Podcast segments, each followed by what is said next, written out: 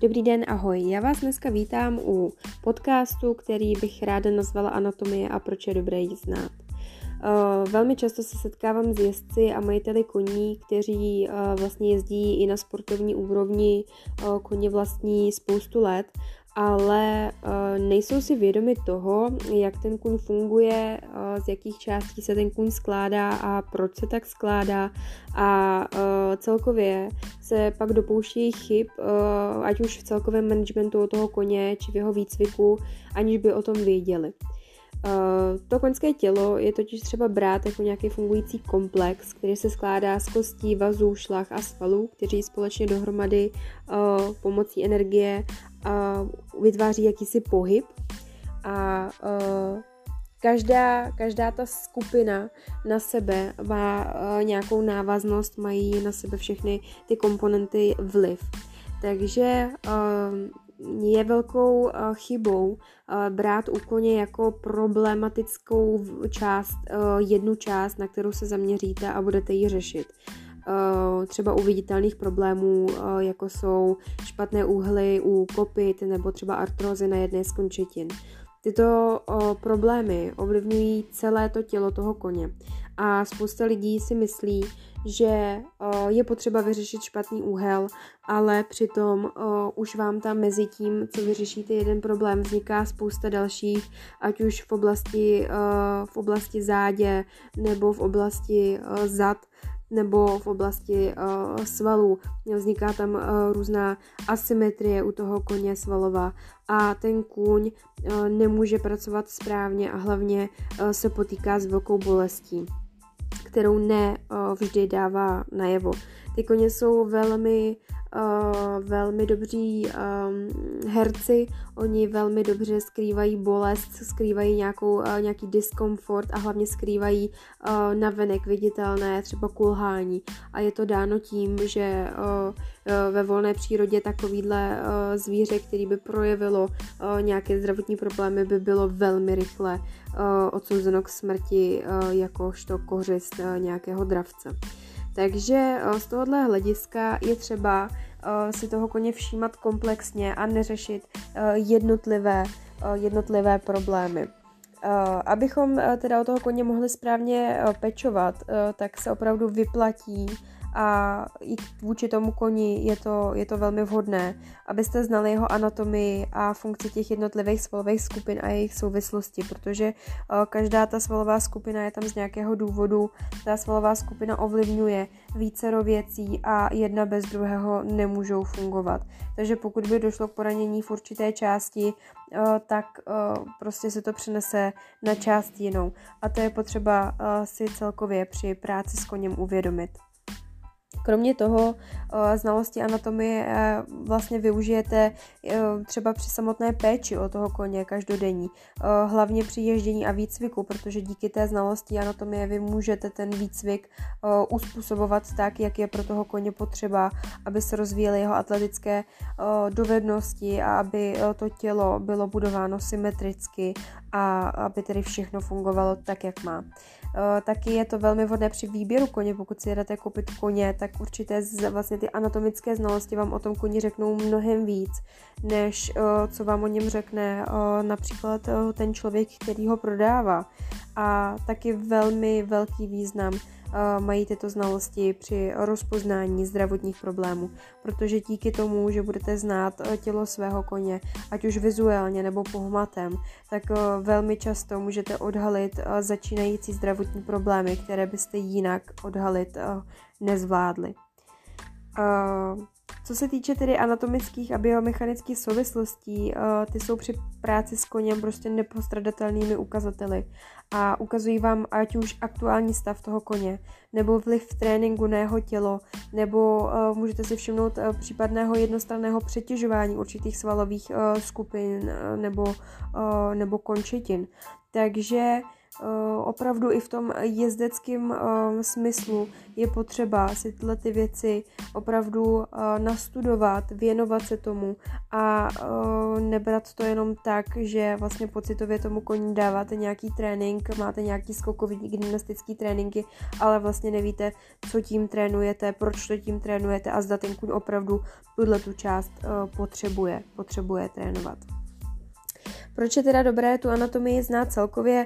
Díky těm ukazatelům se můžete prostě snadno o tom koni dozvědět eh, spoustu věcí, ať už se to týká třeba jeho výkonnostních limitů nebo možností. Takže z jezdeckého hlediska nás často zajímají určité věci. Eh, když si třeba jedete koupit koně a chcete koně pro dostihy, eh, pro klusácké dostihy, prostě pro něco, kdy ten kůň musí být rychlý, tak vás zajímá určitě poloha lopatky. Ta poloha má určitý stupeň a uh, díky těm stupňům vy si vlastně můžete všimnout, uh, pokud je strmější, uh, že bude mít ta končetina větší tu protrakci, ta, ta, ta přední končetina větší protrakci a díky té polohe, poloze té lopatky vy si můžete snadno představit, jestli ten kůň bude mít dlouhý krok anebo krátký krok. To je velmi důležité, velmi důležité vypozorovat. No, také se díváme na sklon pánve a úhly zadních eh, končetin.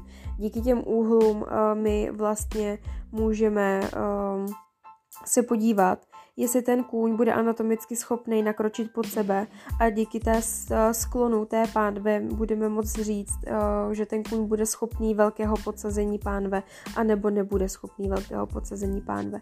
Kromě toho nám taky spoustu věcí řekne tělesný rámec. Eh, obecně platí, že čím větší ten kůň je, tím déle osifikují kosti a meziobratlové ploténky, což znamená, že pokud máme koně velkého, třeba obdelníkového rámce, eh, určitě pokud vám bude někdo nabízet nabízet koně čtyřletého, plně obsedlého na, já nevím, jaké prostě výcvikové úrovni. Eh, můžete si být stoprocentně jistí, že tam budou nějaké zdravotní problémy v budoucnu, eh, co se týče páteře, protože ta páteř osifikuje kolem 5. 6. roku života a uh, jelikož čím větší ten kůň je, tím díl to trvá, tak u koně větších rámců je tohleto velmi častý a velmi častý problém.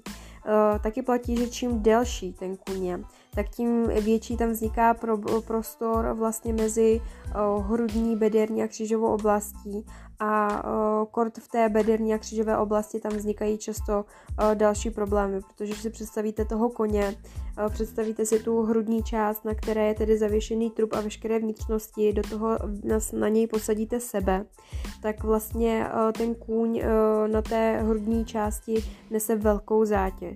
A uh, pak je tam dlouho, dlouho nic, uh, což je vlastně bederní část páteře a křížová část páteře, která spojuje tu těžkou, uh, těžkou hrudní část a ty končetiny vzadu. A pokud nemáme tuto tu část podepřenou opravdu pevně vybudovanými stabilizačními svaly pod tou páteří, tak se může stát, že ta bederní část se bude prověšovat dovnitř a budou tam vznikat velmi nepříjemné zdravotní, zdravotní problémy.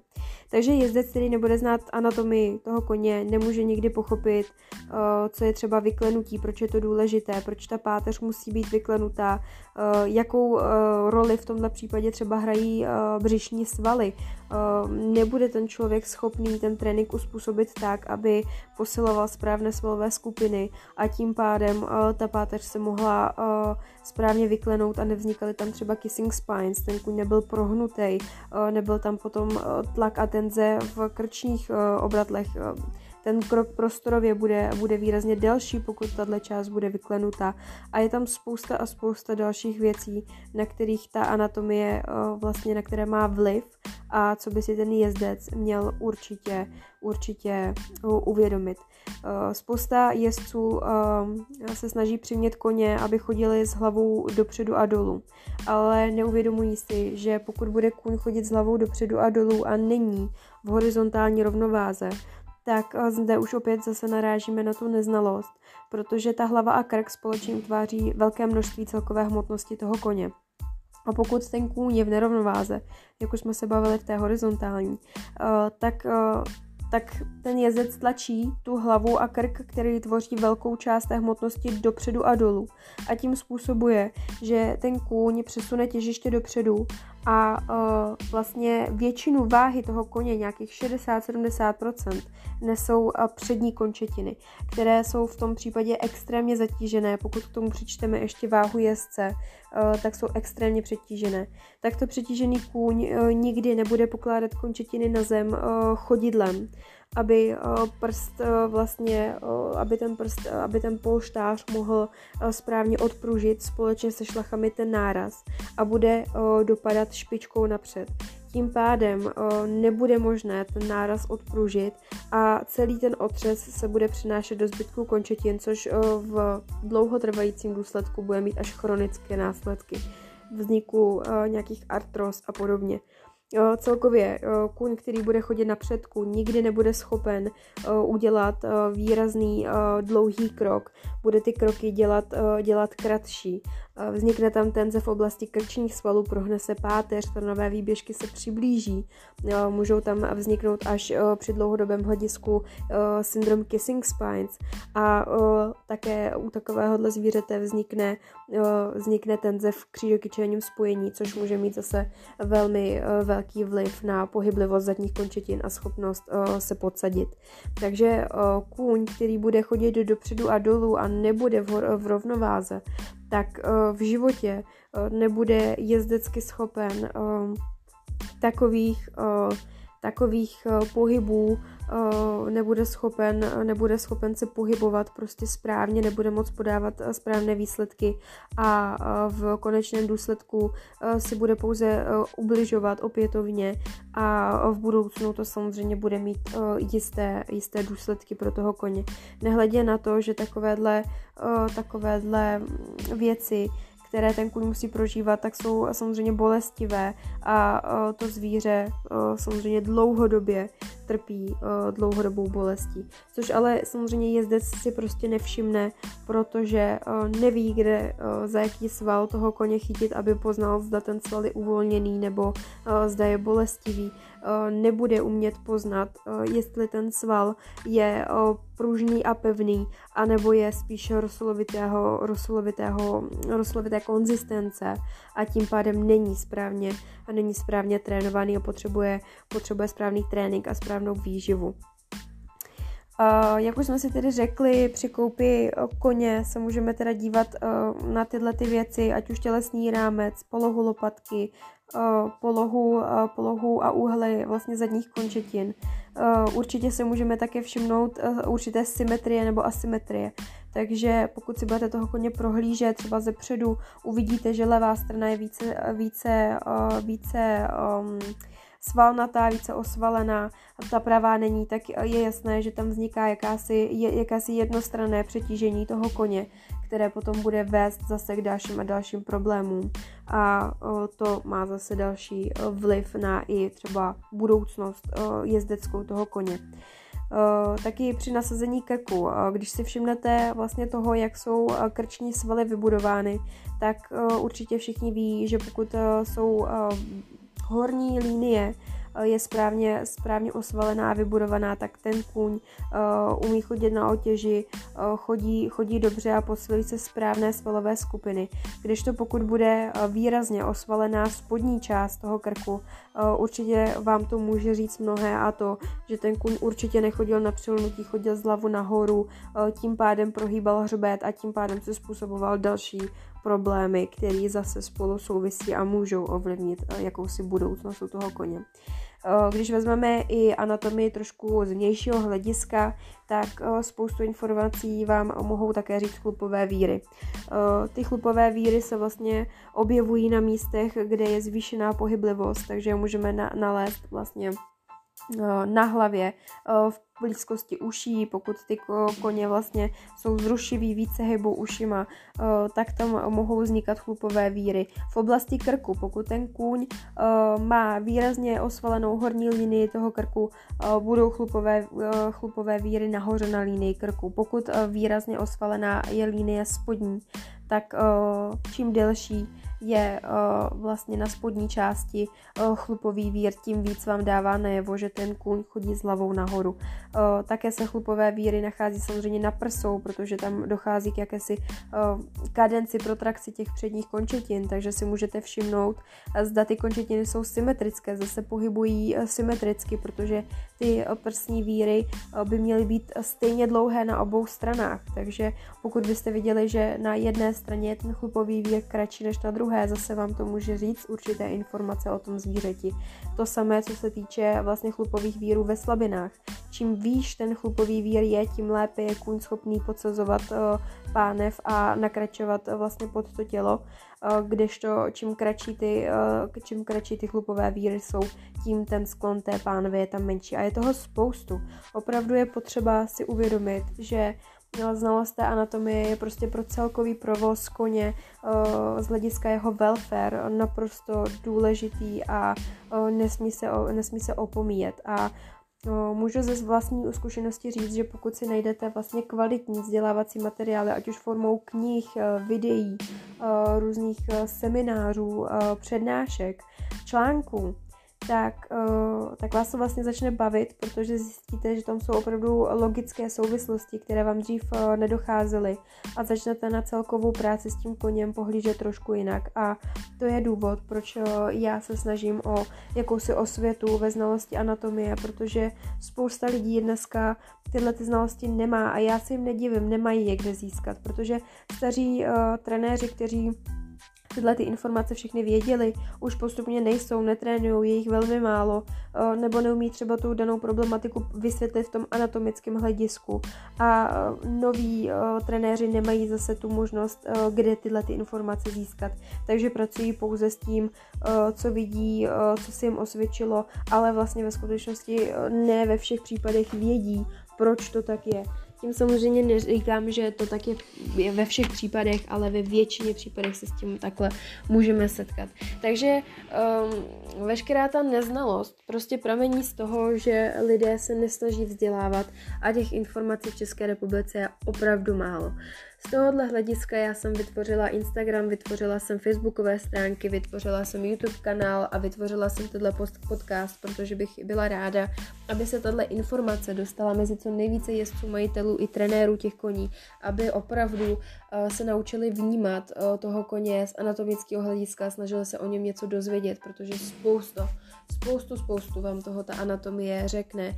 A vy tím můžete odhalit i uh, zdravotní problémy, které třeba um, nejsou ještě uh, tak propůklé, vy můžete předejít. Uh, to se mi stalo i vlastně z mého hlediska. Já vlastně uh, si dbám na to, aby u mého koně, abychom měla načteného jak pohledem, abych uměla zhodnotit, zda je tam nějaká asymetrie u toho koně, zda třeba ten kůň nemá nějaký otok, ať už v oblasti končetin nebo oka, snažím se vnímat jeho frekvenci mrkání a dýchání, abych mohla včas vlastně odhadnout, zda ho to oko třeba bolí, protože mrká víc, zda je tam prostě nějaký problém. Opravdu se snažím tím pohledem toho koně co nejvíc Eh, si nastudovat a znát ho. Kromě toho eh, se věnuji i tomu, abych eh, toho koně znala i pohmatem, což znamená, že přesně vím, v které části je ten koník zatuhlý, v které části jsou ty svaly víc rosolovitý než v té jiné. Samozřejmě nehledě na to, že poznám, poznám otok a taky můžu vlastně kontrolovat, zda v daném místě není třeba zvýšená teplota, zda tam nedochází k nějakému zánětu, zánětlivosti, ať už se týče třeba kopit nebo svalových skupin. Opravdu ta znalost anatomie je podstatná a důležitá. A já bych byla opravdu ráda, aby si všichni si šáhli do svědomí. Je mi jasný, že to se svými koňmi nemyslí špatně, určitě jim nechtí ubližovat, ale když se nebudou vzdělávat v rámci anatomie, v rámci všech základních znalostí o tom koni, tak aniž by chtěli, tak mu budou často nevědomně ubližovat. A můžu sama ze svého prostě postoje hlediska říct, že takováhle neznalost a uvědomění, následný uvědomění toho, že jste dělali něco špatně, přestože jste se strašně mysleli, jak tomu koni pomáháte, je velmi bolestivé a velmi těžko se s tím ten daný člověk potom srovnává, protože samozřejmě za toho koně máme nějakou zodpovědnost a pokud se ve snaze mu pomoct, dopouštíme ale dalších chyb a tím mu vlastně zhoršujeme ten jeho celkový zdravotní stav, tak je to opravdu velmi těžko únosné pro tu, pro tu danou psychiku toho majitele a toho, toho jezdce. Takže já bych na všechny teď chtěla moc apelovat. Doufám, že tyhle ty informace, které jsem vám teď předala, vás třeba jenom trošku povzbudějí k tomu, abyste se začali trošku víc uh, snažit uh, dozvědět o tom koni, uh, že vám to třeba přišlo zajímavé a chtěli byste se prostě dočíst o tom něco víc. Určitě neváhejte mi napsat, ozvěte se mi. Já mám spoustu, uh, spoustu ať už, uh, ať už zahraničních nebo českých materiálů, který vám ráda poskytnu, uh, ukážu vám, kde se dají stáhnout, ukážu vám, kde se na to dá podívat. Doporučím vám lidi, se kterými se třeba o tom můžete pobavit. Prostě je potřeba si tyhle ty informace, které jsou prostě málo dosažitelné, přidávat a uh, já to všechno, co dělám ve snaze prostě pomoct dalším jezdcům, uh, tak dělám proto, aby se ty koně měly lépe a proto taky vznikl hashtag uh, pro dobro našich koní, protože to není o tom, aby jsme se tady předháněli o tom, kdo si přidá více do informací, kdo za to bude brát peníze, kdo to bude dělat zadarmo. Prostě těch informací je dneska málo. Je to kámen úrazu toho, proč vzniká spousta problémů, spousta nedorozumění, proč na to spousta koní doplácí a uh, spousta majitelů je, je vůči tomu prostě hluchá. A já si myslím, že když se budeme snažit o takovouhle jakousi osvětu znalostní, tak uh, že to bude určitě dobře jak pro ty naše koně, tak uh, pro nás osobně, protože budeme s tím koněm pracovat um, systematicky, s rozumem, a nebudeme na toho koně spěchat, budeme mít na všechno čas a budeme vědět, že ten čas je prostě potřeba a poskytneme ho tomu koni. Takže já doufám, že se vám tento podcast líbil, že vám přinesl nějaké zajímavé a užitečné informace a budu se na vás těšit uh, zase příště. Takže se mějte hezky. Ahoj.